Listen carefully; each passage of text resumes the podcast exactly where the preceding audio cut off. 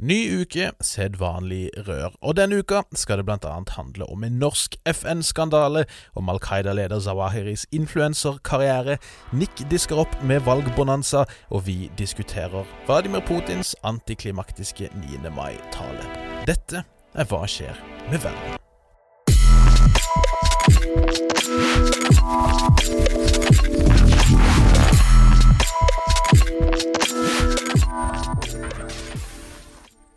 Hei og hjertelig velkommen til en ny episode av podkasten Hva skjer med verden? Denne podden for deg som er interessert i det som foregår innen internasjonal politikk, krig, fred og alt røret midt innimellom. Mitt navn er som alltid Bjørnar Østby. Med meg har jeg som alltid Nick Brandal. God mandags... Ja, det er jo fortsatt formiddag. formiddag. God mandag formiddag, sier vi. God eh, formiddag, Bjørnar, og vel overstått frigjøringsdag. I like så måte. I like så måte. Gratulerer med den, får vi si, på etterskudd. Og eh, gratulerer med ei hyggelig fotballhelg, for en gangs skyld. Eh, for alle andre enn Manchester United-fans. Og jeg har faktisk tenkt i mitt stille sinn, kan det tenkes, tror du, at Vladimir Putin er Manchester United-fan? At det er der kilden til all hans frustrasjon og, og destruktive oppførsel ligger? Her skulle jeg ønske jeg kunne komme med en eh, knusende vits, eh, men man sparker jo ikke folk som ligger nede. Det, det er godt, eh, godt, sagt. Vi prøver å opprettholde en viss moralsk standard her. Det er ikke alltid jeg greier det, men Nick, du har moralsk klarsyn for days. Det er godt. Vi har mye vi skal gjennom. Vi har sittet og venta litt på denne mye skal vi si, omtalt eh, forventede talen til Vladimir Putin, uten at det var så mye å vente på. Men, eh, men vi begir oss ut på vår ukentlige roundup for å få gang på ting her nå.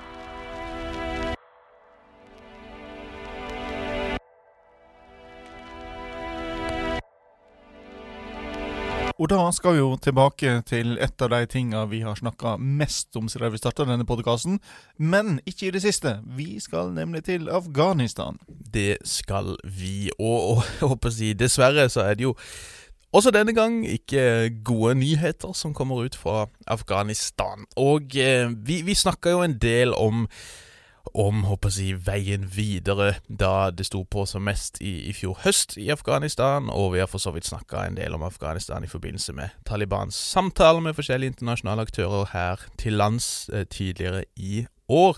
Og noe av det vi har snakka om når det gjelder Afghanistan håper jeg, etter Talibans takeover, det er jo i hvilken grad Taliban greier å faktisk, skal vi si, stabilisere Afghanistan, slik håper jeg, samtlige av deres eh, um, foreløpere har, har mislyktes med, og, og vi snakka jo om at, at Man kan kanskje håpe, om ikke annet, en, en viss grad av stabilitet, i hvert fall, om ikke dette kommer til å se spesielt pent ut. Men vi ser jo, og det har vi sett en stund, men spesielt i de siste dagene også, at, at, dette her virker å være vanskelig for Taliban. Det er rett og slett en, en hel del hodebry for uh, dette regimet i disse dager, med motstand og, og håper å si kryende trøbbel på mange fronter. Det har vært ganske harde kamper, bl.a. i denne Panjshirdalen som vi har snakka om før, som har vært en, en, eh, skal vi si sånn hub for, eh, for, motstand fra forskjellige nordlige motstandsgrupperinger, eller i dag opprørere i praksis, siden de kjemper mot regimet. Eh, der har det vært harde kamper. Vi har også sett mer eh, håper å si, trøbbel forårsaka av den islamske stats Horasan-provins, eller ISK, som opererer i Afghanistan. Vi har jo snakka en del om disse tidligere, fordi de har stått bak mange fryktelige angrep mot eh, etniske og religiøse minoriteter i Afghanistan. Men dette har blitt ekstra problematisk nå for Taliban, fordi ISK har stått bak, eller i hvert fall sier de har stått bak, flere angrep og forsøkte angrep mot noen av Afghanistans naboland. Det var blant annet eh, påstander nylig fra ISK om at de har eh, lobba noen raketter inn i Usbekistan. Det har interessant nok Usbekistan og Taliban sagt at det ikke skjedde. Men denne helga så kom det også rapporter om at ISK skal ha sendt raketter inn i Tadsjikistan. Også her, interessant nok, så sier eh, Tadsjikistans myndigheter at det ikke har skjedd, og at om noe så var det kanskje noen noen eh, kuler som kryssa grensa i forbindelse med kamper mellom, eh, mellom Taliban og IS. Men eh, Taliban sjøl har sagt at de skal granske hva som har skjedd. Og Hvorfor er dette her problematisk, tenker du kanskje? Vel, litt av problemet er jo at måten Taliban forsøkte å berolige sine med rette skeptiske naboer, var jo å si at nå skal vi få orden på ting. Så der det før har vært mye trøbbel langs våre grenser, så skal vi sørge for at dette her ikke, eh, ikke fortsetter. Vi skal skape orden her. Nå har da altså IS, om ikke annet i hvert fall, forsøkt å angripe to naboland. Det har vært, som vi snakka om sist uke, mye trøbbel langs grensa til Pakistan. Vi har også hatt grensetrefninger tidligere mellom styrker fra Taliban og iranske grensevakter, så det er en hel del greier her nå som ikke er videre populært i nabolaget, for å si det slik. I tillegg til dette her så er jo Afghanistans økonomi fortsatt i fritt fall. Det er fortsatt stor nød der når det gjelder eh, mangel på mat og andre eh, humanitære behov som ikke dekkes. Og så kan man spørre ok, hva gjør Taliban for å fikse opp i dette, da? Jo, de svarer så klart med å straffe Afghanistans kvinner. Og eh, hvem skulle trodd, å si, at samtaler med norske og andre politikere eh, ikke kom til å endre hvordan Taliban oppfører seg, men, men lovnader til tross, altså, så har nå Taliban tydeligvis beslutta å, å, slå ganske så hardt ned på en rekke rettigheter for, for kvinner og jenter i landet. Dette gjelder alt fra at eh, Kjøreskoler har blitt bedt om ikke utstede førerkort til kvinner. Det mest synlige, så klart, og mest kanskje dramatiske, som har blitt um, tydelig bare de siste dagene, er at Taliban gjeninnfører burkapåbud, eller sånn chador, sånn heldekkende, der jeg kun ser øynene, for, uh, for, kvinner, skal vi si, i en uh, hva, Jeg vet ikke om de sa fruktbar alder, men altså kvinner som ikke var for unge eller for gamle, måtte kle seg slik. De må eh, geleides av en eh, mann når de er ute, en mann håper jeg, fra egen familie. Og det har jo også blitt tydelig da at eh, jenters tilgang til utdanning blir slått hardere og hardere ned på. Og så klart så er det masse sånne uh, useriøse aktører i Norge, type Resett og sånn, som har en field day med at uh, Ap-regjeringa er så himla naiv, som prater med Taliban osv. osv. Vi snakka mye om de forhandlingene da de foregikk, fordi det til syvende og sist handler om hvordan man skal bidra til å hjelpe afghanske sivile, og jeg tenker at dette her ikke egentlig endrer på det, eh, men, men, det er jo uansett eh, sørgelige greier, og, og, hvis man skal prøve å liksom, se litt analytisk på det, så kan det jo kanskje tyde på da at eh, noen av disse mer konservative hardlinerne i Talibans rekker har kommet seirende ut av noen av disse maktkampene, gitt at vi vet at forskjellige deler av bevegelsen ser litt forskjellig på på bl.a. dette med kvinners rettigheter. Så ganske deprimerende nytt der, og, og Lyttere vil kanskje tenke at oi, dette her minner jo kanskje litt om det vi ser i USA i disse dager. Det snakkes jo veldig mye om, om høyesterett og abort osv. på den kanten.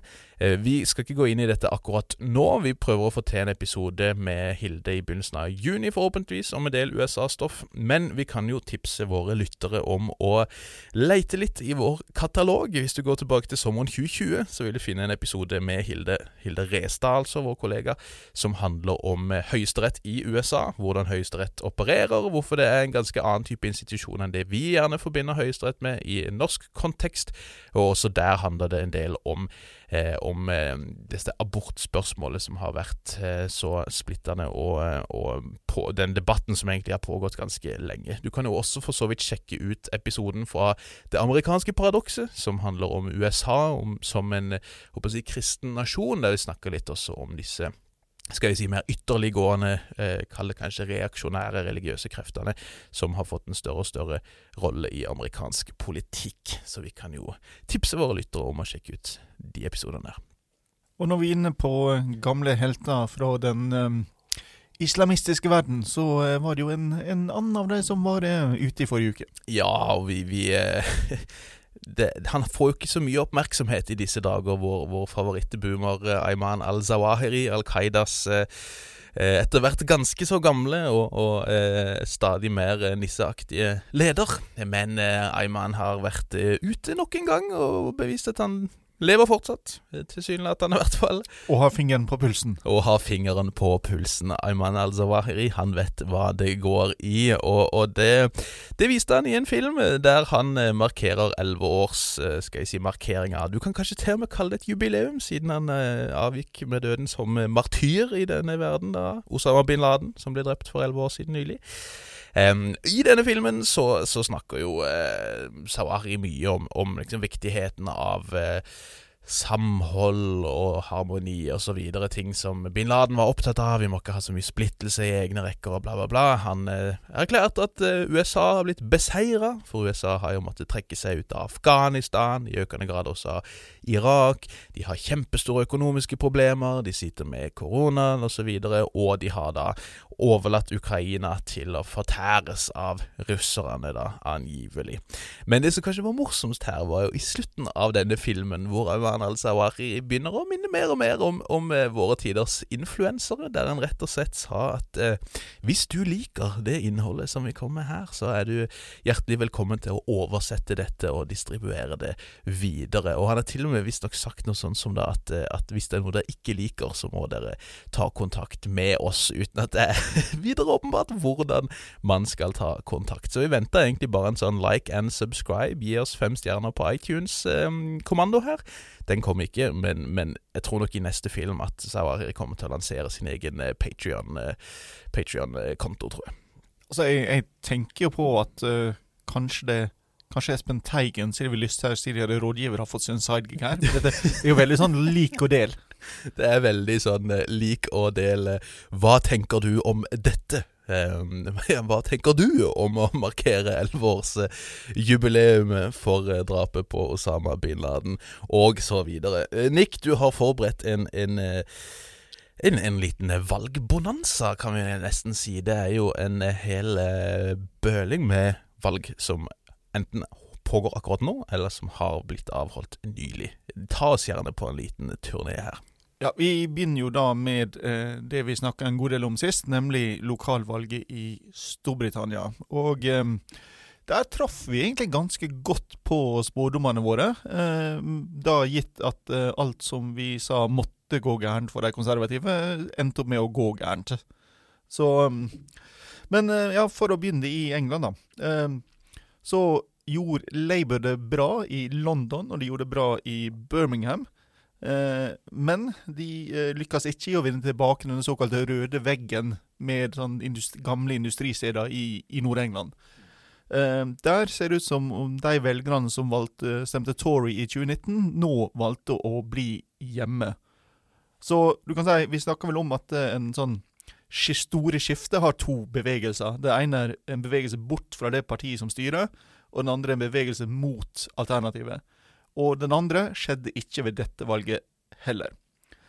Eh, derimot så ser det ut som den blå veggen i Sør-England, altså der toryene har stått eh, sterkt, gjerne i litt eh, rurale og sånn småby, borgerlige strøk, den kollapsa. Eh, og der møtte velgerne opp. De var sinte og de stemte mot toryene. Eh, enten, virker det som, på liberalerne, eh, Lib Dems, eller på Det grønne partiet, som gjorde et historisk godt valg. Og eh, her er det jo et sånn såkalt by-election eh, som kommer opp snart, når Neil Parish, som eh, måtte gå av etter å bli tatt for å se på pornografi eh, i parlamentet Han hevda at han søkte på en traktor og fikk opp pornografi, men nu vel. Uh, der da Lib Dems uh, har, har, det som mål å, å ta det setet. Um, og så kan det se ut, det er litt tidlig å si, men det kan se ut som det har vært en bevegelse av unge velgere som strømmer til Labour under Corbyn, mot Det grønne partiet. Um, I Skottland også så var det framgang for Det grønne partiet. Uh, veldig markant. nasjonalistene i SNP holdt stand, men gikk ikke fram. Eh, Toryene er den store taperen. De gjorde et godt valg sist. De ble utraderte nå. Eh, Labour lykkes ikke i å gå så veldig mye fram, men de lykkes i å bli det nest største partiet, og dermed plassere seg før parlamentsvalget, som vi forventer kommer i, i løpet av et, et, år eller to. Det kan bli tidligere dersom Boris Johnson nå blir pressa til å gå av. Uh, men det gjenstår å se. Eh, Wales, eh, som vi spådde, vant Labour en stor seier. Eh, men der også så er den veldig knytta til urbane og industrielle strøk i Sør-Wales, rundt Cardiff og eh, Swansea. Mens eh, distrikta, og særlig de distrikta i øst langs kysten, eh, der gikk eh, Der vant eh, nasjonalistene i Plaid Cymru, som er ja, tilsvarende SNP i Skottland eh, flertall i de aller fleste distrikter. Men uten å gå så veldig mye fram. Altså Labour går fram, eh, og de andre går tilbake eller holder jevnt. Og Toryene ble utrydda. De mista det siste flertallet de hadde igjen.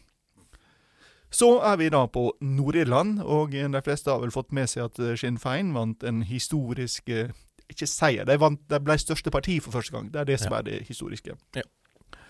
Eh, Men hva velgerne faktisk mener her, er litt uklart. Eh, Det er flertall blant partiene som ble valgt inn, og representantene, eh, mot ei grense på tvers i Irland.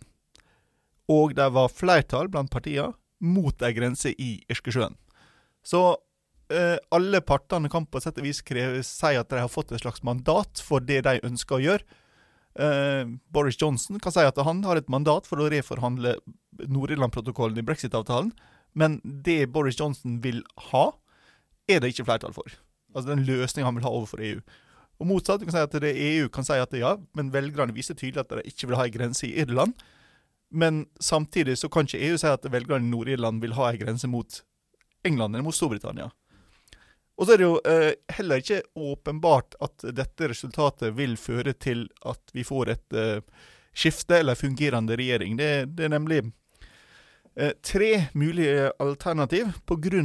at Nord-Irland har et sånn helt spesielt eh, system som ble etablert i langfredagsavtalen, og så ble det eh, fordypa i, i, i, i seinere eh, avtaler eller lovendringer, eh, som legger opp til at det må være en maktbalanse, eller deling av ansvar, mellom nasjonalister, altså de som er for gjenforening med Irland, og unionister, de som vil være en del av Storbritannia.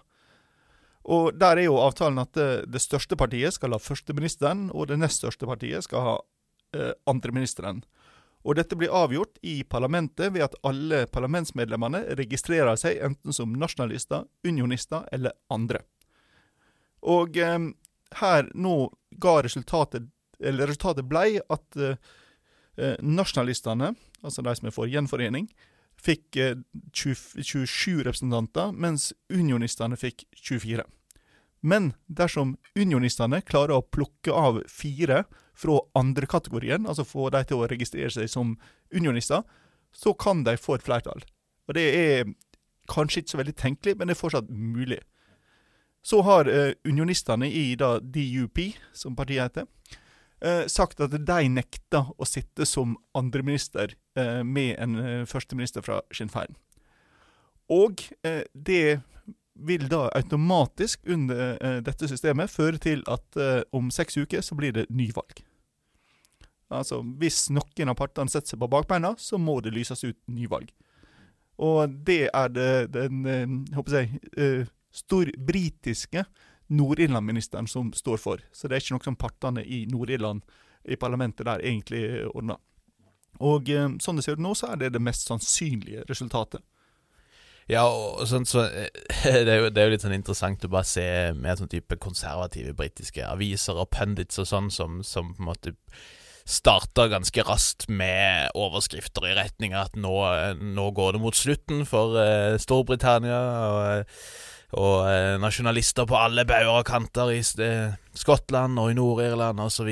Men Ja, det var, det var ikke bare eh, konservative kommentatorer. Det, det var også Nicholas Sturgeon ute og sa. Ja, interessant. Eh, Men, men poenget uansett er at vi er et godt stykke unna gjenforening av Nord-Irland og Irland fortsatt, er ikke det? Jo, eh, og der også må vi tilbake til langfredagavtalen, som legger en sånn veikart for hvordan det eventuelt kan skje. Ja. Og igjen, det er den britiske regjeringa og Nord-Irland-ministeren som har eh, handa på rattet der. Og forutsetningene som må ligge til grunn, er at det der er et eh, stabilt flertall for å ha ei folkeavstemning om gjenforening. Ja. Og først da kan man få ei gjenforening. Så at uh, Sinn Fein blir det største partiet, med sånn cirka litt under en tredjedel av stemmene, 7-28 eh, er langt fra, veldig langt fra nok. Og hvis du ser da på de partiene som får oppslutning her, så er det jo da faktisk for første gang under halvparten som stemte på ett av de to nasjonalist- eller unionistpartiene. Eh, så, så, du ser et veldig stort skifte mot eh, at velgerne sier at vi gidder ikke å holde på med det bråket der. Vi er opptatt av verden her og nå. Vi vil ha det bedre. Vi er opptatt av strømregning og helse, helse og ja, mm. utdanning og ja, disse viktige saker i hverdagslivet til folk. Og det virker jo da, som du har illustrert, også å være en, en viss trend i Storbritannia for øvrig også, da at mange, søkere, mange velgere søker til andre alternativer enn de tradisjonelle, håper jeg. Ja, men i Nord-Irland har de en annen valgordning. Ja. Den er sånn ekstremt proporsjonal, altså at antall stemmer eh, gir antall representanter. Mens i eh, England så er den jo sånn first past the post, det er det å få et lite flertall. Og særlig slik det er laga at hvis eh, de konservative Altså, de kan få kanskje så mye som 5-6% mindre enn Labour, og likevel få et flertall pga. valgsystemet. Mm, mm. Vi, eh, vi, er jo glad i litt nisjete greier fra tysk politikk, og vi er jo forberedt på å feire alle, alle potensielle seire mot eh, ytre høyre, får vi si. Og, og der har vi kanskje en liten gladnyhet fra våre venner i Schleswig-Holstein, Nick. Ja, dette er jo den delen av Tyskland som eh, har vært vel så ofte dansk i eh, nyere historie. Eh, og nyere historie er da de siste 400-500 åra. eh, men eh, uansett, dette er jo den delen da som grenser opp mot, eh, mot Danmark. og AFD, altså Alternativ for Deutschland, kom inn i parlamentet der for første gang i 2017. Og ramla nå for første gang i Tyskland ut av et parlament der de har kommet inn. Hei. Og eh, det som rett og slett skjedde, det var at de ikke klarte sperregrensa på 5% som er minimum for å komme inn. Og igjen, ja. valgordninga betyr noe. De er ja. viktige. Ja. Eh, partiet fikk 4,4 eh, og dette handler om to ting som skjer samtidig. Det kanskje minst viktige er at de konservative gjorde et veldig godt valg. De gikk kraftig fram og ble suverent største parti. I stor grad på bekostning av sosialdemokratene i SPD. Eh, til dels på bekostning av regjeringspartneren i Berlin, eh, det liberale partiet, FDP. Men det handler kanskje mest om at det lokale Alternativ for Deutschland-partiet har hatt digre interne problemer. Mm. De mista jo statusen sin som en egen fraksjon når de, de ikke lenger hadde fire medlemmer i parlamentet. ved, ved, forrige valg så kom de inn med, med det var vel fem men så klarte de å ekskludere én av de, og den andre meldte seg ut, og da satt de igjen med tre. Så da var de under eh, min minimum. Eh, så, og det er ikke det beste utgangspunktet for å, å, å skulle be velgerne om å stemme på oss, for vi, eh, vi veit hva vi vil. Nei. Dette er vel litt sånn som man har håpet på i tysk politikk historisk, at liksom de konservative skal holde de til høyre for seg i sjakk, mer eller mindre, og sørge for at det ikke dukker opp altfor mye på den kanten, uten at det nødvendigvis er de som skal ha æren for det her. da. Ja, altså man, man, har hatt eh, Det har vært den ene, og den andre har vært at hvis partiet har blitt for ekstreme, så har forfatningsdomstolen kunnet eh, slå ned og erklære dem for ulovlige. Og vi har jo snakket om at den prosessen pågår nå med AFD. Ja. Eh, og vil antageligvis ende opp med en dom, også fordi partiet nå blir mer og mer ekstremt. Altså, de moderate er i ferd med å bli trengt ut, eller melde seg ut av partiet. Ja. Så for å men så for å følge opp det vi snakka om med Storbritannia, også her gikk de grønne ganske kraftig fram. Og det gjenspeiler dels altså nasjonale trender, der det er det partiet i regjering som har lykkes best i å artikulere den nye tyske utenrikspolitikken og sikkerhetspolitikken. Og eh, det å ha jeg, energisikkerhet og ha fornybar energi blir to sider av samme sak. Så, så det er ikke et, selv om strømprisene er høye nå, så er ikke det et problem i Tyskland å si at vi må ha mer fornybart. Nei. Interessant, interessant. Og dette skjer jo samme uke som Miljøpartiet De Grønne vel har gått for at de er for kjernekraft her til lands, så vidt jeg har forstått? Ja, de gikk vel for eh, kjernekraft, og de gikk for å øke norsk gasseksport på kort sikt, ikke på lang sikt, veldig viktig, for mm. å løse det konkrete problemet i Europa nå. Eh, men det var jo nettopp da i, i en sånn argumentasjon at det er ei ekstrem krise. Våre eh, søsterparti, i Tyskland særlig, sier at dette er nødvendig. Ja. Eh, vi må delta. Og de gikk jo da også inn for norsk EU-medlemskap. Ja. På en måte. På en måte. Eh, vi er jo ikke ferdig med din eh, valgturné, vi, eh, Nick. Vi må en tur til, til Filippinene med et aldri så lite throwback til, old, til bad old days, får vi si. Ja, eh, alle som ikke kan eh, Filippinene si nyere historie, og nå snakker vi om de siste 40-50 åra, eh, gå inn på Google og så skriv inn eh, Imelda Marcos og sko. Yes. Altså, eh, Selv jeg har fått med meg det. Imelda Marcos var da kona til diktatoren eh, Ferdinand Marcos, eh, senior, som han nå må bli omtalt om. Som, eh, som Ja, det ble vel regnet ut at de to under sin tid i, i sjefsstolen rana sånn 10 milliarder dollar eller noe sånt fra, før, de, før de stakk av til, til Hawaii i, i 1986. Fort gjort. Kanskje er den Ja. beste. Og Imelda Marcos var jo da særlig kjent for å ha verdens største samling av sko. Yes. Eh, men nå er deres sønn Ferdinand Marcos jr. tilbake i filippinsk politikk. Alle elsker et godt politisk dynasti her. Og, og det er kanskje en grunn til at han er på Filippinene og ikke eh, i USA, der foreldra som sagt eh, stakk av. Fordi der er han involvert i en del rettssaker som gjør at han eh, nok ikke vil sette foten sin på amerikansk territorium med, med det aller, aller første. Ja. Eh, men eh, Ferdinand Marcos jr. er nå da hovedkandidat for eh, et av de, eller den ene av de to ledende kandidatene før presidentvalget for å etterfølge Duerte. Og eh, dette handler også om storpolitikk, fordi det handler om forholdet til USA og til Kina. Ja. Og dette er jo noe alle stater i eh, både jeg, Sørøst-Asia og i Stillehavet etter hvert må forholde seg til, sånn som vi har snakka litt om med, med Salomonøyene. Ja, altså, Filippinene består av 700 store og små øyer som grenser mot Sør-Kina-havet i øst. Og de har vært i strid med Kina om eh, territorielle krav, altså om hvor grensa faktisk går. Og i 2016 så vant Filippinene i den internasjonale dumme eh, voldgiftsdomstolen mot eh, Kina. Men eh, dette var jo da rett før Duerte ble valgt inn, og når han kom til makta, så la han det bort til fordel for eh, kinesiske løftet om investeringer og lån i milliardklasser. Og det ser jo også ut som Marcos jr. eh, har tenkt å fortsette denne linja, altså å orientere seg mer mot eh, Kina enn mot eh, USA. Og Marcos-klanen har jo egentlig, også mens de var støtta av USA på 70-80-tallet, eh, orientert seg mot Kina. Og det er særlig mamma Imelda som var aktiv i å, å dra til Kina og snakke med bl.a. Mao Zedong osv. Og, Så de har liksom denne long standing familierelasjonen, i tillegg til at de da fortsetter Duertes eh, sin politikk. Eh, Men så har vi jo da eh, motstanderen her, som er eh, liberal, eh, Leni Robredo.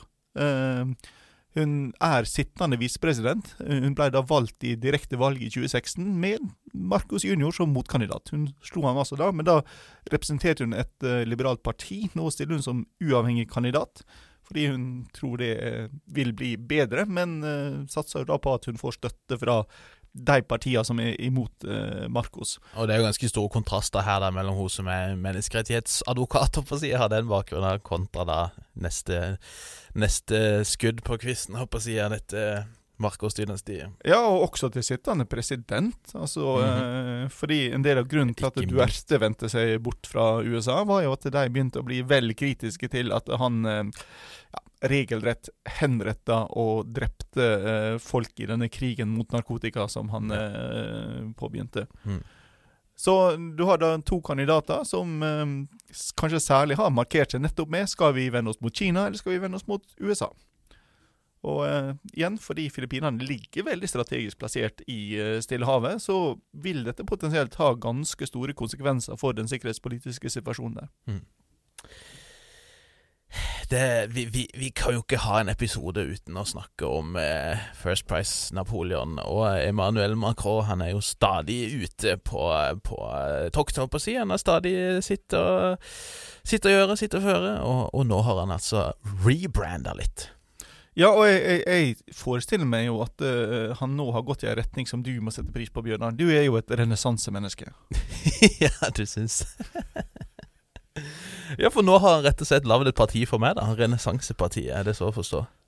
Ja, altså uh, Partiet Ny. hans het jo opprinnelig uh, Republikken Mars, altså Republikken på vei. Ja, ja. Eh, men det partiet er jo veldig knytta til Macron personlig, og til at han ansatte en masse konsulentfirma for å lage slogans og partiprogram basert på fokusgrupper og sånn der. Så eh, det var ikke så veldig folkelig. Eh, men nå eh, blir han jo utfordra av en sånn venstrekoalisjon. Det ser ut som liksom disse partiene på venstresida samler seg bak Jean-Luc Mélenchon. Det er jo et verdenshistorisk bombenedslag at venstresida forener seg her. Ja, altså det, Ideen er jo å lage en slags maktbalanse der eh, OK, Macron ble president, vi måtte stemme på han for å unngå å få Le Pen, greit, men nå vil vi ha en balanse, nå vil vi ha en annen maktpol i parlamentet, mm. som da kan motvirke at vi får ei høyredreining, som de nå ser for seg at Macron vil uh, stå for. Ja. Um, og det er jo da Macron uh, skulle lage sin egen allianse. Uh, så kan man jo lure på hvor mye allianse det blir, siden de han samla inn. Stort sett er folk som har vært i hans eget parti, men som nå har starta egen butikk. Det er blant annet da tidligere statsminister Edouard Philippe, som hadde da Horizons-partiet, og eksminister Francois Bayrou, som fra, fra dette moderate sentrumspartiet Modem, eh, som deltok da på denne pressekonferansen der de lanserte det nye partiet. Eh, og så er det jo sånn Det var vel sånn at de ønska, eller hadde en intensjon om at det kanskje kan bli et folkeparti. eh, Betryggende. Men, eh, ja, nei, men, det, men, men, det, kan jo da bli interessant å se hvordan dette ser ut. Ikke minst fordi dette handler også om hva som skjer etter Macron. Fordi han sitter jo, som vi har sagt tidligere, i sin siste periode. Han må gå av. Ja. Og skal han da bygge opp et parti som kan overleve han sjøl, eller vil da La Rem, som det fortsatt er, kollapse uten Macron i spissen? Vi, eh, vi, gleder oss til å, å, finne ut av det. Og før vi avslutter denne lange valgturneen din, Nick, så må vi innom et uh, Du har skrevet 'valg' i anførselstegn i, i Hongkong. Ja, det er jo en stund siden vi har snakka om Hongkong nå også, så det var jo kanskje på tide. Eh, de har jo nå hatt valg på hvem som skal overta etter Carrie Lam som regjeringssjef. Og ikke overraskende så var det den eneste kandidaten som stilte til valg. Stort sett alle demokrati- og menneskerettighetsforkjempere sitter jo i fengsel. Eh, den tidligere sikkerhetsministeren John Lee. Og eh, de som kjenner Hongkong, vet at eh, John Lee som sikkerhetsminister var mannen som slo ned de store protestene i 2019, og slo dem ned ganske brutalt. Og det han stort sett har stått for, er ekstrem lojalitet mot Beijing, og å være villig til å bruke så harde virkemidler som han kan tenke seg mot opposisjon. Herlig. Så der, der, har vi den, rett og slett. En eh, litt sånn godt og blandet med valget både histen og pisten. Og, så må vi jo avslutte denne roundupen med, med litt sånn navlebeskuende nyheter også. Vi må jo få med store, flinke eh, og småkorrupte nordmenn der vi kan få med de i vår kjøreplan. Og folk har kanskje fått med seg at selv NRK har plukka opp en aldri så liten skandale fra dette mye omtalte FN-systemet, som involverer, skal vi si, atter en norsk politiker eh, fra de herlige 1990- og 2000-årene, som står litt i i eh, aldri så liten knipe, kan vi si. Grete Faremo er kvinnen det er snakk om. Grete Faremo har nå trukket seg som leder for UNOPS eh, med umiddelbar virkning, etter den siste av en hel del skandaler fra forskjellige deler av FN-systemet. Og UNOPS, da, for å ta det. Det står for UN Office for Pro, eller United Nations Office for Project Services, og er en ganske lite glamorøs, ganske skal vi si, kjedelig liten organisasjon som har ansvar egentlig da for å forsyne de forskjellige FN-organisasjonene med eh, forskjellige tjenester, og prøve å um, ordne opp med alt fra intranett til infrastruktur osv. og så videre. Og den saken som har kommet opp nå, den er jo ganske sensasjonell eh, og grenser til det komiske på en del eh, måter, selv om det er ganske sørgelige greier også, egentlig, dette her. Og bare for å si det, så, så er den skandalen vi skal gå gjennom nå, dette er ting som har murra lenge. Og, og, det er spesielt én kar, en, en skal vi si, FN-veteran som heter Mukesh Kapila, som har vært veldig på ballen her lenge og skrevet masse blogginnlegg osv. for å prøve å eh, kartlegge hva som foregår. Men det var først nå før helga at eh, New York Times publiserte en sak om eh, denne skandalen at ting virkelig har akselerert, og, og endte med at Grete Farmo har trukket seg. Men for å si det først veldig kort, så dreier denne saken her, om Den saken dreier seg om forvaltning av penger, og skal vi si veldig dårlig forvaltning av penger, hvor Unops da har prestert å tape, eller i hvert fall ligger an til å tape, ca. 236 millioner kroner gjennom da mislighold og ganske så tvilsomme lån. Og, og som sagt, denne her historien er den grenser til det komiske, egentlig. Det er en, en, en farse, mye av dette her. Men, men uh, basically så har jo da Grete Farmo leder Unops i en årrekke, har prøvd å gjøre UNOPS til en litt mer fremoverlent og aktiv organisasjon.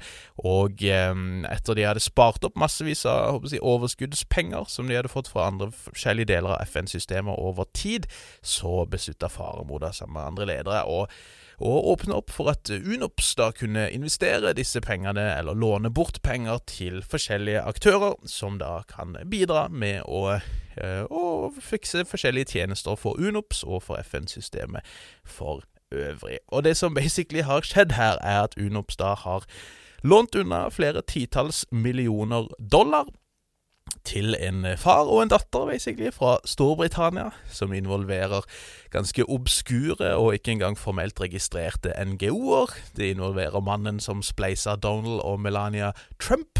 Det involverer en eh, aldri så liten norsk sangopptreden for en nærmest tom eh, generalforsamling, og så videre og så videre. Og denne historien her, den starter med en fest i New York i 2015, arrangert av Grete Faremo, hvor uh, Unops da skulle på en måte se litt da etter om de kunne finne noen mulige aktører som de kunne bruke pengene sine til å støtte, enten ved å gi de, å si, gi de penger, stipender, eller ved å gi de lån, for å, um, å realisere et prosjekt da for blant annet da billig eller bygging av rimelige kan vi si, boliger for fattige i uh, det globale sør i forskjellige, eh, forskjellige deler der, både i Sør-Asia og i Vest-Afrika, blant annet. Og eh, en mann kalt David Kendrick kunne da tilby dette her, viste det seg. Og her må vi skyte inn, det er ikke trommisen i bandet Devo vi snakker om. Men det er den uh, tidligere parlamentskandidaten for UKIP, David Kenrick. Han måtte trekke seg da det kom opp en sånn skandale om noe sånn veddeselskap, bettingselskap og noe sånt greier. Jøss, yes, jeg var ikke klar over den UKIP-linken. Der, eh, der, har vi mannen vår, vet du. Og eh, Kendrick var da på denne eh, Hadde sendt sin datter og, og noen andre eh, representanter som da ble introdusert for uh, Grete Faremo og andre, um, andre UNOPS-ledere av en uh, gammel ringrev, en kar som heter Paolo Zampolli. Han er vel født i Italia, basert i New York, har vært utpekt som FNs ambassadør til Dominica og ambassadør for Oceans and Seas for Dominica. Dette er mannen som da han et modellbyrå, spleisa Melania og Donald Trump i sin tid, eller i hvert fall introduserte de for hverandre. og... Eh, han stilte da opp på denne eh, festen her, egentlig da for å prøve å, å liksom eh, Ja, varme scenen litt, og, og, og prøve, prøve, å introdusere prosjektene til Kendrick for Unops, for å se om dette kunne være noe de var eh, interesserte i. Og long story short, så endte da Unops opp med å investere i David Kendrick og hans datter, som jeg tror heter Daisy, hvis jeg ikke husker feil. I 2017, en stund etter denne festen her, så ga Unops tre millioner dollar i stipend til dattera Daisy Kendrick og en ny organisasjon hun hadde oppretta, som ble kalt We Are The Oceans. Det som er litt morsomt her, er at uh, denne mannen som introduserte disse folka for hverandre, Zampolli, han eh, hadde lenge hatt en drøm om å opprette en egen organisasjon som skulle hete We Are The Nations, forkorta WATO, som en slags eh, Nato for å konservere havene. Dette var en drøm Zampolli visst hadde hatt i mange år, og prøvde å liksom arrangere dette på egen hånd, men med backing fra FN. Og Han ble da screwed over av Kendrickene, som gikk for det navnet selv, og han var ikke best pleased, for å si det sånn. Disse pengene som gikk til Wato, var ikke liksom Det var ikke noen klar begrunnelse fra FN-hold hvorfor akkurat denne organisasjonen skulle få det, og det var jo spesielt vanskelig å forklare det, gitt at den organisasjonen ikke engang var formelt registrert og godkjent som en charity på det tidspunktet det var faktisk flere av de aktørene eller de personene som hadde blitt oppført som direktører i dette selskapet til Daisy Kendrick, som faktisk ikke var direktører der, og som hadde blitt, eh, fått navnene sine rett og slett eh, misbrukt more or less av eh, datter Kendrick, skulle det vise seg. Og eh, disse pengene her, disse tre millioner, dollar, eh, millioner dollarene, ble brukt på mye forskjellig, blant annet produksjon av mobilspill og en singel, en hitsingel om eh, havene kalt Oceans, fremført av Joss Stone. Eh, samtidig som dette her pågår, så brukte da UNOPS-ledelsen også betydelig med tid og penger på å arrangere en aldri så liten opptreden av Grete Faremo selv, som skulle da fremføre denne nye singelen for generalforsamlingen i forbindelse med en konferanse om havene i 2017. Så man booka og fikk shippa inn et backing-band som kunne spille opp. Problemet var bare at en av talerne tidligere i denne konferansen hadde gått langt over tida, så ifølge folk som var der, så var denne salen nesten tom der det var Grete Farmo sin tur til å croone foran hele denne nokså tomme generalforsamlingshallen. Sørgelige greier. Så blir dette bare verre i 2018, da Unops låner flere titalls millioner til tre forskjellige selskaper, som alle viser seg å ha bånd til David Kendrick. Et av de investerte i vindmøller i Mexico, noen investerte i fornybar energi og prosjekter på den fronten mer generelt, og enda andre skulle bygge rimelige boliger i det globale sør. Og så, to år etter, i 2018, så begynner Unops å kreve tilbake noen av disse pengene de har lånt, uten at det er helt klart hvorfor. Og da viser det seg plutselig at Kendrick ikke helt har anledning til å betale tilbake disse pengene, fordi at store deler av disse summene hadde blitt brukt for å betale ned andre lån som han hadde eh, sikra seg i løpet av mange år med ganske dårlig business, får vi si. Og totalt av ca. 60 millioner dollar som FN har, eh, altså UNOPS har lånt bort til disse Kendrickene, så anser nå FN-revisorer at de vil tape ca. 22 av disse, altså eh, over 230 millioner kroner. I Ghana så skulle man ha bygd noe sånt som 200 000 boliger. Ikke en eneste bolig har blitt bygd til nå, fordi hele greia, greia viser seg å være en, en scam, eller i beste fall ekstremt inkompetent. Dette er såpass ille at flere FN-topper nå har bedt om en granskning fordi de syns dette er så bad, selv om den granskninga ikke er due før i juni 2024. Likevel så eh, var det alvorlig nok at når denne granskingen kom i gang, så fikk eh, nestlederen, altså hen, eh, Farmors underordnede, fyken. Og nå har da også hun valgt å trekke seg. Hun hevder sjøl at hun ikke har visst om alle disse forholdene, men, eh, men at det skjedde under hennes watch, og derfor så, så, måtte hun kanskje da bare ta støyten selv. Og all den tid dette er litt komisk, så undergraver det jo åpenbart også da potensielt tilliten folk rundt omkring i verden har til FN-organisasjoner. Og Man ser allerede noen konsekvenser av dette.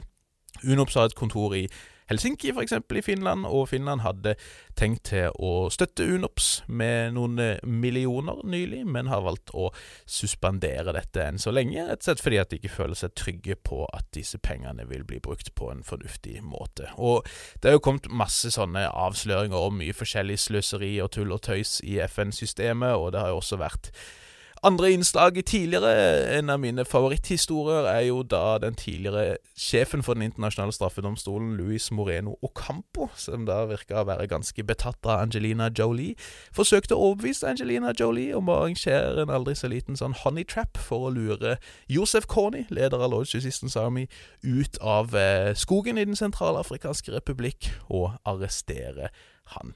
Disse tingene her får FN til å se ganske useriøse ut, og det er ikke videre heldig. Dick.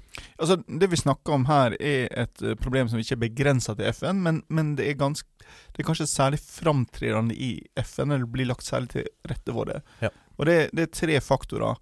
Det, det er at du, du, har nærmest en kultur for at eh, det er ikke spesielt viktig å gjøre forarbeid. Nei. Altså finne ut hva, hvordan virkeligheten er. Eh, kombinert med en veldig høy vilje til å ta risiko. Fordi du ser for deg at gevinsten skal bli så eh, enorm, alt skal bli så fint og flott. Og du ser ikke at det der er motforestillinger i det hele tatt, nettopp fordi at eh, det skal bli så fint og flott. Og så kombinerer du det med stor gjennomføringskraft. Altså at det, det er nesten ingenting som kan stoppe det når det først har blitt satt i gang. Ja, og det, det kommer jo fram at, at UNOPS hadde jo hatt hundrevis av sider med retningslinjer for hvordan de skal operere, og da Faremo kom inn og skulle modernisere organisasjonen, så skrota de veldig mange av de, nettopp for at man skulle være mer fremoverlent, for at man skulle kunne ta større risiko, og så videre. Og så er det jo også litt problematisk dette her for eh, Norges rykte, holdt på å si. Det er ikke første gang en norsk FN-diplomat har uh, gått i baret, får vi si, og det er jo ikke lange tida, det var vel i 2018 at Erik Solheim måtte trekke seg som miljøsjef etter vedvarende kritikk av hans eh, skal vi si, hektiske reisevirksomhet, som kosta flere millioner eh, kroner i, eh, i året. Og, og, det var nok ikke bare det som gjorde at han måtte, måtte tre av til slutt. Men, men, det er ikke veldig hyggelige mønstre, dette her. Og så har vi vel en annen liten gransking pågående, med midler som FN har gitt til en annen tidligere norsk diplomat, Terje Rød Larsen, sitt nettverk og tenketank om diverse ting. Ja, og så kan vi jo legge til den lista forskjellige tidligere eh, norske politikere, inkludert tidligere statsministre, som har skrevet litt sånne puff pieces for eh, tvilsomme regimer rundt omkring og sånt. Så, men eh, politikere må ha noe å gjøre, de også, tross alt.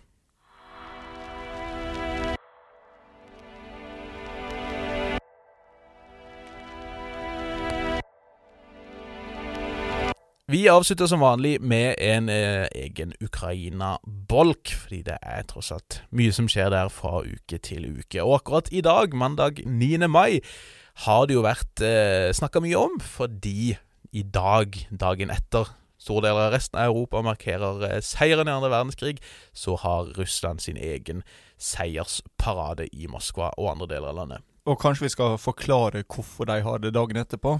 Det er jo, det er jo tidssone de ligger jo noen eh, timer eh, foran, slik at eh, når da eh, denne kapitulasjonen ble undertegna i Berlin, Karlshorst, seint på kvelden den 8. mai, så hadde det allerede blitt 9. mai i Moskva.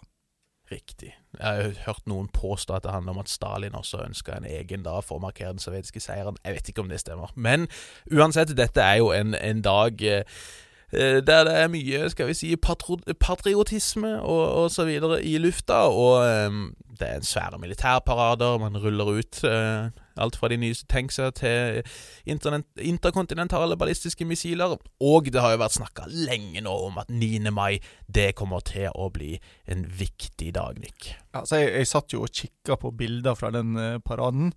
Og eh, jeg tror eh, Freud hadde virkelig hatt seg en stor dag med eh, alle, alle, alle kjønnsorgansymbolikken du, kan, du kunne finne ut av den. Det, det kan du godt si. Det er en, en, faktisk en ganske stor feministisk litteratur om, om nettopp å si, eh, kjernevåpen og, og fallosbilder osv. Nok om det. 9. mai har blitt sett på som en eh, viktig dag, fordi først så snakker man om at det eh, russiske forsvaret hadde fått beskjed om å avslutte krigen innen 9. mai, sånn at man kunne feire en seier da. Det har jo ikke skjedd. Så har det vært snakk om i flere uker at 9. mai det er nok kanskje dagen der Putin enten kommer til å si at uh, vi har uh, vunnet, og så får man en vei ut av det, eller at man kommer til å si at nå erklærer vi formelt krig. Nå er det ikke bare en spesialoperasjon lenger, nå er det faktisk krig mot Ukraina og kanskje Nato. Uh, og derfor mobiliserer vi nå det ganske samfunn til krigsinnsatsen. Vi venta i spenning på denne, denne, denne talen. Den varte i noen få minutter, og inkluderte ingenting av disse greiene som vi venter på. Det var ingen eh, antydning til massemobilisering. Det var ingen eh, formell krigserklæring. Det var heller ingenting som skulle tyde på at liksom mission accomplished eller noe sånt i den retninga der. Det var rett og slett mer av det samme. De samme klagemålene, de samme påstandene om at man ikke hadde noe annet valg enn å gripe inn eh, for å komme da en fiendtlig invasjon i forkjøpet en invasjon eh, hvor Ukraina angivelig skulle bli støtta av amerikanerne. Snakk om at de hadde jo hørt at ukrainerne ønska å skaffe seg atomvåpen osv. Så, videre, så klart bare tull. Eh, men rett og slett mer av det samme, og mer om hvordan da eh, det russiske folk og de russiske soldatene hadde, hadde svart på håper jeg, kallet om å forsvare fedrelandet osv. Altså, og, og en ting er jo at vi, vi blir skuffa fordi vi hadde trodd det skulle komme et eller annet. men det må jo også det russiske folket ha venta på. Altså, eh, dette blei ikke den propagandaøyeblikket som man skulle tro det, det burde ha blitt. Ikke i det hele tatt. Eh, sa ingenting om at Ukraina har blitt svekka militært, f.eks. Sa ingenting om Mariupol. Eh, nærmeste man kom, var vel at han sa at eh, blant alle soldatene som marsjerer, så er det også noen som har kommet hele veien fra Ukraina. Men, men, rett og slett veldig lite, altså. Så er det så klart folk da som begynner å spekulere om at dette kanskje vitner om at helsa hans faktisk er veldig dårlig, og at han ikke har, har mer på lager enn som så. Det vet jeg ikke om er, er en god tolkning nødvendigvis, men eh, men det, de kan jo rett og slett også vitne om potensielt da at, at, Putin faktisk forstår at det å skulle prøve å, å iverksette masse mobilisering, det kan koste veldig mye mer enn det, det smaker av forskjellige grunner. Ja, altså, dette var ikke eh, en, en triumfparade. Nei. Eh, og, og, altså, det var prega av var Hva er det norske ord for somber? Um, ja, nedtona og nedtona, liksom ja. og, og, det var ikke det var ikke sånn publikum som, som sto der. Det var, det var, ikke sånn jublende eller på triumferende på noen som helst slags måte. Det, det, dette var ikke ei feiring, dette var ei markering. Ja, det tror jeg du godt kan si. Og, og så er det klart altså, Det kommer sikkert til å være tusen takes på hvordan man skal tolke dette her, da. Men, men eh, det er jo interessant å se at, at, selv i russiske nasjonale medier så er det figurer som har vært ute, og, altså militæranalytikere som har vært ute og snakka om hvor vanskelig en faktisk massemobilisering vil være. da, og det har Vi jo, vi har vært innom det ganske mye de siste ukene, men vi kan jo på en måte prøve å oppsummere kort årsakene til dette. For det første, det tar lang tid å skulle mobilisere eh, haugevis med soldater. For det første så trenger du å trene opp folk som skal trene opp soldatene, og så trenger du å trene de faktiske soldatene. Og det betyr at en, en, håper å si, en faktisk da, eh, nye forsyninger med stort antall soldater neppe er mulig før i hvert fall et halvt år og, og, og lengre tid enn som så, med mindre man bare slenger folk ut i krigen og, som kanonfød. Eh, og det løser heller ingenting, egentlig. Eh, og, samtidig så krever man nytt utstyr. Altså De siste tallene jeg har sett nå av, av dokumenterte tap da, av skal vi si, pansra kjøretøy og, og, annet militært materiell fra russisk hold, er på over 3500 nå. Og det er mye av det bra stæsjet de sitt som, som, de har mista nå. sånn at det, det som etterforsynes, vil antagelig være langt dårligere. Og i tillegg så gjør jo alle disse sanksjonene også at det er vanskelig å produsere nye våpen i, i, på en stor skala og over kort tid tid. I tillegg så har jo Russland et stort problem, som det har vært snakka mye om, med at uh, de har en aldri så liten demografisk krise. Det er en eldrende befolkning, og, og det å da skulle sende si, en, en, generasjon unge menn som er viktige for å drive økonomien osv.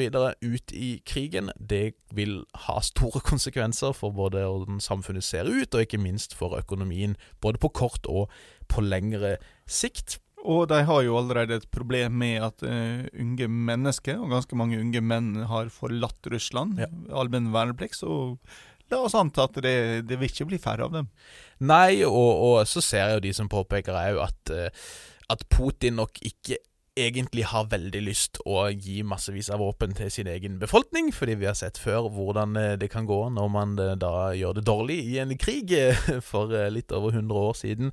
Uten at jeg tror liksom noen revolusjon er på trappene, så er det jo veldig mye som tyder på at Putin frykter sin egen befolkning mest av alt, og da er det kanskje ikke en god idé å, å forsyne de med våpen og, og potensialet også til å bare bli desto mer frustrerte dersom ting fortsetter å gå dårlig. Så eh, kanskje Altså, jeg ser jo samtidig folk påpeke at nå har man sløst bort så mange av disse kampgruppene i Ukraina at man er nødt til å etterforsyne før eller siden. Det trenger ikke bety at det blir en massemobilisering nødvendigvis. Det kan bety at man, man får inn flere vernepliktige som allerede er eh, håper si, bevæpna i Russland.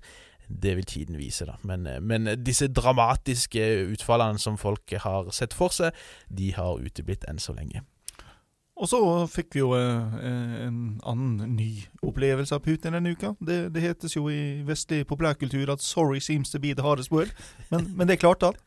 Det klarte han mot alle odds, og det, det sier jo litt om, eh, om evnene til eh, toppdiplomat Sergej Lavrov, kanskje, som har greid å fyre på seg Israel med, med god grunn, da han sa at eh, at eh, så klart kan Zelenskyj være nazist, for også Hitler var jo eh, jøde og nazist, og det er vanlig at eh, eh, at jøder er antisemitter, han er jo greid å si da. Og eh, ble jo med rette da kritisert fra israelsk hold. Og da har faktisk Putin sett seg nødt til å gå ut og, og beklage dette. her. Uh, uh, liten korrigering her. Uh, ifølge Israel har Putin beklaga, men Putin sjøl har ikke kommentert.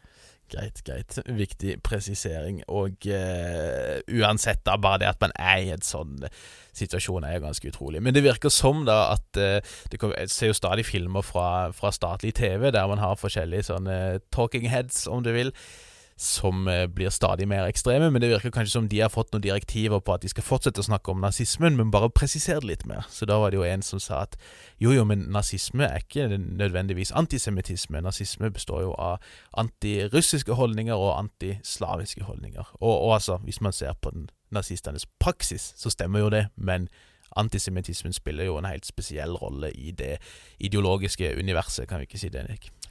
Jo, altså eh, si, for, eh, for nazistene så var det jo eh, ulike kategorier av undermennesker som da skulle brukes til forskjellige ting. Og ja, slaverne skulle også utryddes. Ja. Eh, så det er greit. Men eh, slaverne var rett og slett mindreverdige. De var ikke en trussel mot det tyske på Nei. samme måte som, som jødene var. Nei, og, og eh, det er jo interessant også å bare se på hva, hva folk kan få seg til å si på eh, russisk TV, og den, den moralske fordervelsen begynner å bli ganske komplett når eh, flere av de var ute nå forleden kveld og, og sa at det Russland trenger nå, det er en skikkelse som Lavrenti Beria, som kan få orden på massene. Og eh, jeg vet ikke hvor mye folk vet om Beria. Jeg tenker jo han eh, Folk burde kjenne det navnet like godt som en Heinrich Himmler, eksempel. En eh, bastard av dimensjoner som vel til syvende og sist har ansvaret for veldig, veldig, veldig veldig, veldig, veldig, veldig mange av drapene som eh, forekom under Stalins eh, tid som regent i Sovjetunionen. Han var en av de første til å bli henretta så fort Stalin døde, og det var gode grunner til det. Um, Ja, og han var jo eh, en av de eh, som ikke turte å gå inn og sjekke om Stalin var i live når han eh, plutselig ble stille i det kontoret han satt i. Ja. Så, så, så gutsy var han jo tross alt ikke. Tross alt ikke. Men det at, det at folk kan stå liksom i beste sendetid på russisk TV og si at dette er fyren vi trenger for å få orden på folk, nå som det begynner å bli tomt for matvarer i hyllene, det, det sier kanskje et og annet. Og, jeg ser faktisk de også som, som sier at det virker nærmest å være øh, Virker nærmest som at noe av den propagandaen fra statlig TV er vel så mye retta i retning Putin for å prøve å påvirke han og for å vise at du er lojal mot han, eh, som det handler om eh, å nå massene. Og det, det jo, dette kan du mye mer om enn meg, men det er jo en del litteratur på eh, Nazi-Tyskland og holocaust osv. Om, om hvordan folkene rundt han var, liksom, worked towards the fure. At, at Hitler ikke nødvendigvis kom med veldig klare direktiver for hvordan ting skulle gjøres, og lot sine underordnede konkurrere nærmest om de mest ekstreme eh, løsningene, og så hadde han en tendens til å foretrekke de mer ekstreme, da. Jo, men eh, like fullt, det, det skjedde ikke på TV. Det Det, det skjedde i den indre kretsen. Ja. Eh, og det var jo først når man hadde blitt enige om noe, at det, det da gikk ut derifra. Mm. Eh, men den radikaliseringsprosessen vi har sett live i russiske medier eh, de siste månedene, har vært eh, fascinerende. Ja, det, det kan man trygt si. Og, og det er jo en del elementer der man snakker mye om, ser jeg også med disse tsjetsjenerne, at eh, der også handler mye om å bare dokumentere egen innsats for å vinne Kadyrov sin gunst, eh, lederen i Tsjetsjenia, mer enn at det kanskje handler om eh, å, å bidra på slagmarka. Så det å markere lojalitet er nok viktigere for stadig flere, spesielt ettersom også stadig flere oligarker blir funnet døde rundt omkring i og, og utenfor Russland. Men når vi snakker om uh, good photo opportunities uh, Ja.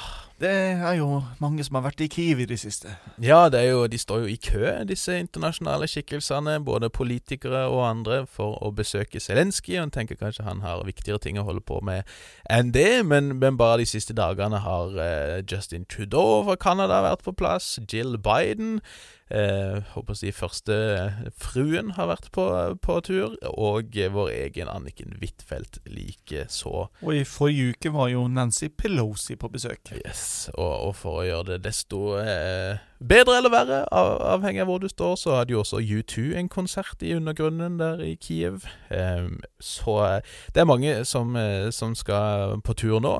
Men eh, det er kanskje få besøk som har vært så omstridte som eh, en viss tysk politiker, Nick.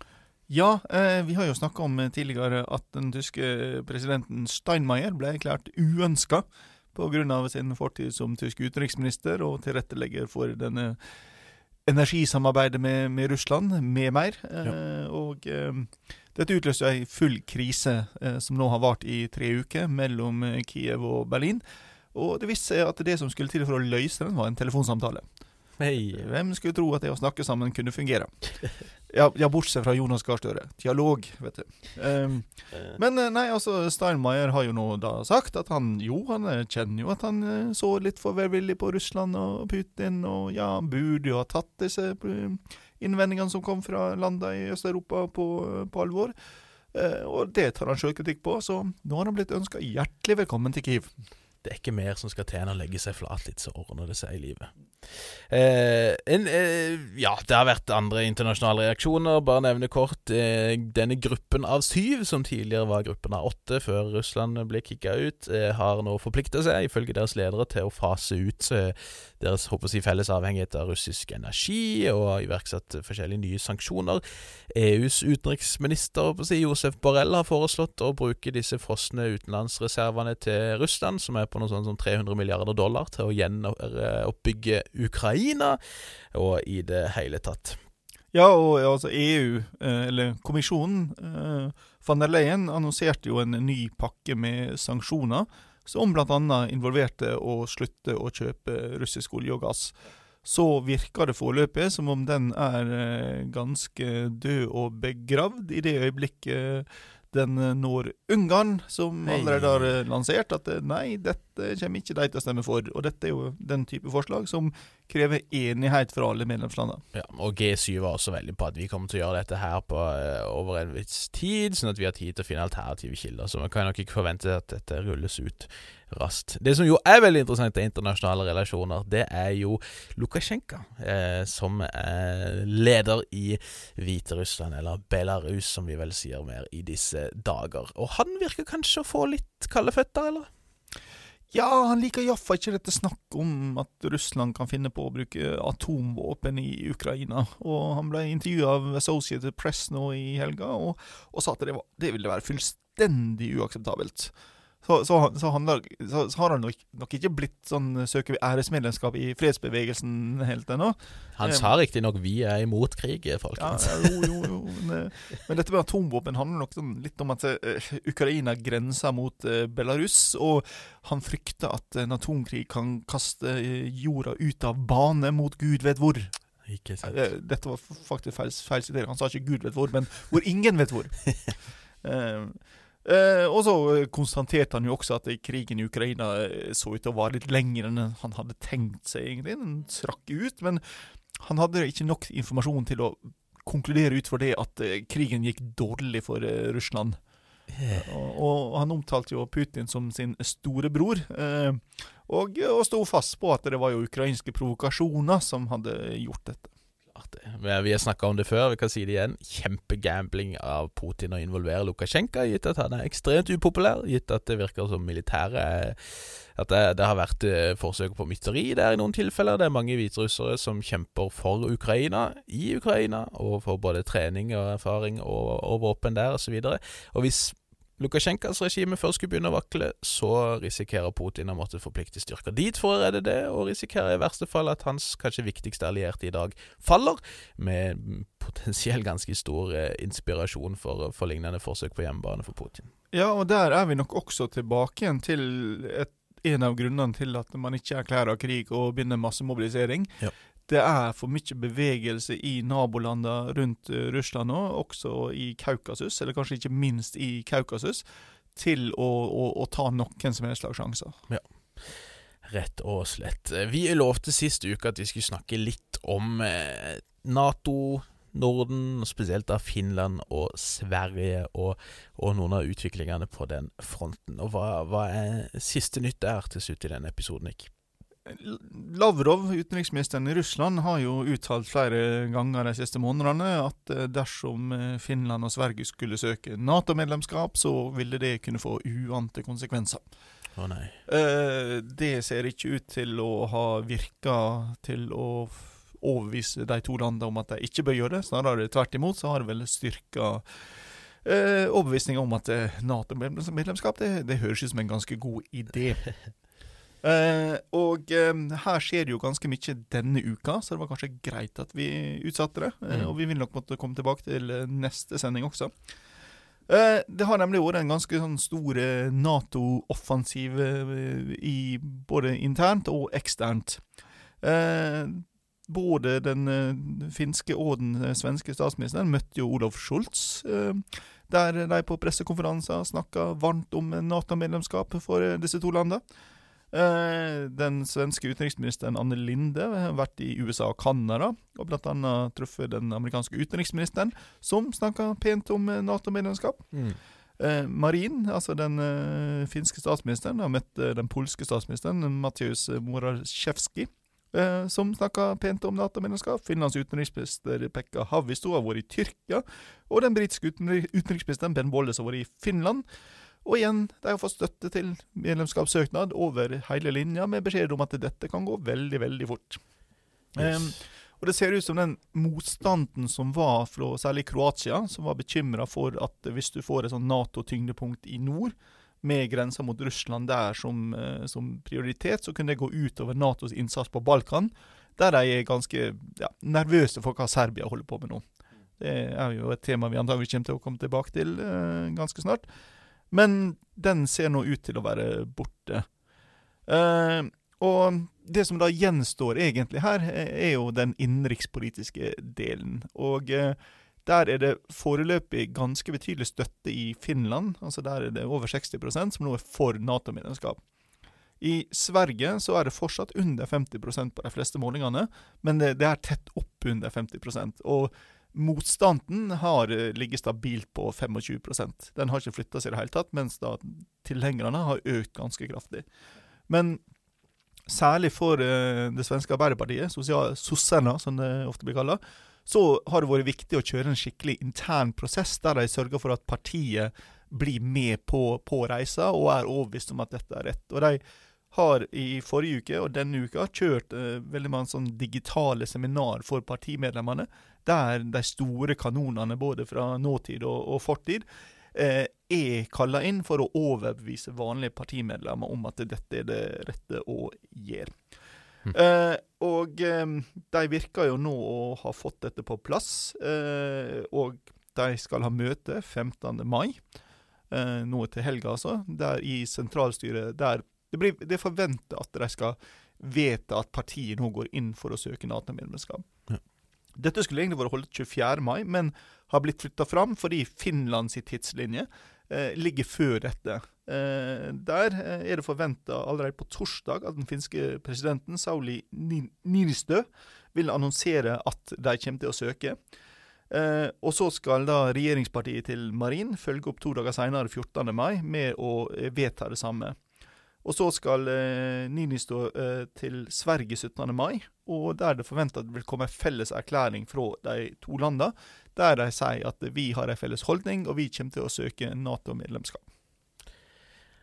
Det, det, blir fryktelig spennende å se, se hva som skjer her. Og, og, klart for NATO sin del også, så er jo dette et, et, eh, en stor boost, får vi si. Eh, det, det, det, løser ikke i og for seg problemet, men det bøter i hvert fall litt på dette klassiske problemet som man har frykta med at liksom, det, er ikke, det er ikke en lang vei fra Hviterussland sine grenser over til denne russiske eksklaven Kaliningrad, i gamle Königsberg. Og eh, i et scenario hvor eh, Russland med allierte havner i konflikt med Nato, så har jo frykten fra Nato-hold vært at, at uh, Russland og Hviterussland sammen vil stenge det man kaller dette Sovalki-spriket. Uh, og på den måten da skille Polen fra de baltiske statene, sånn at man da ikke har veier eller jernbaner som kan frakte Nato-styrker og materiell til Baltikum. Det er klart Når du da har, eh, har to land potensielt da som grenser til Østersjøen, utenfor Baltikum sjøl, så, så, kan jo det i hvert fall gjøre den ferden vesentlig kortere, og gjør jo at Nato har langt mer tyngde rundt Østersjøen enn det de ellers ville hatt. Ja, og, og, dette er to land der Forsvaret eh, også har vært nedbygd, men som fortsatt er satt opp for å kjempe en konvensjonell krig mot Sovjetunionen eller mot Russland. Altså, ja, og de har militærindustrier også som er forholdsvis aktive. Ja, og, og Sverige sitt eh, jagerfly, eh, Jazz Gripen, er eh, veldig godt Altså det, det, det mangler, det er sånn såkalt stealth-teknologi. Altså at den kan skjule seg for eh, radar og så videre. sånn. Men, men, den er veldig manøvrerbar. Altså den er veldig god i sånn direkte ansikt-til-ansikt-luftkamp, mm. f.eks. Og, og, og igjen, Finland er det landet i Europa som antageligvis har beholdt den høyeste beredskapen etter andre verdenskrig. Mm. Dette, dette er jo et problem som, som, Russland har nå, som vi allerede har snakka om. Men det er også et problem som Nato-landet har.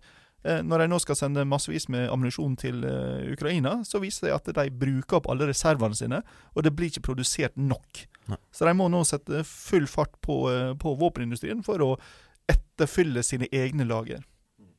Og, og, og her, eh, vi, vi, har jo snakka om det, ikke på podkasten, men også imellom, at det, eh, her ser vi jo hvordan eh, manglende pandemiforberedelser dukker opp igjen også i manglende krigsforberedelser. Ja, og det, det, handler jo om denne logikken med at du ikke skal si, bruke mer offentlige midler enn det som trengs på ethvert tidspunkt, og da kutter man gjerne ned på beredskapen, og så kan man heller handle inn ting om så fra det private markedet for å, for å løse det dersom problemet skulle komme. Og så viser det seg at det private markedet heller ikke liker å sitte på veldig store lager. Faktisk så er det sånn, eh, sånn ballpark at eh, du, du, bør ikke ha så veldig mye mer sånn én måneds eh, vare for mer enn én måneds forbruk framover til enhver tid. Ja. And here we are, dere. Eh, med det så må vi definitivt gå inn for en landing, men vi takker som vanlig for at dere lytter. Det er jo kjempehyggelig, og eh, dere har lyst til å dele det ikke så glade budskap. Altså, Bjørnar og uh, Savahari er helt enige. Lik og del. Lik og del. Og, og, som Savahari så sier vi ta kontakt hvis dere har spørsmål eller feedback eller sånt på hva skjer med verden.no, så skal vi prøve å lese og ta med oss det. Enn så lenge så sier vi eh, takk for oss. Takk til deg, Nick. Sjøl takk, Bjørnar. Takk for meg. Vi høres.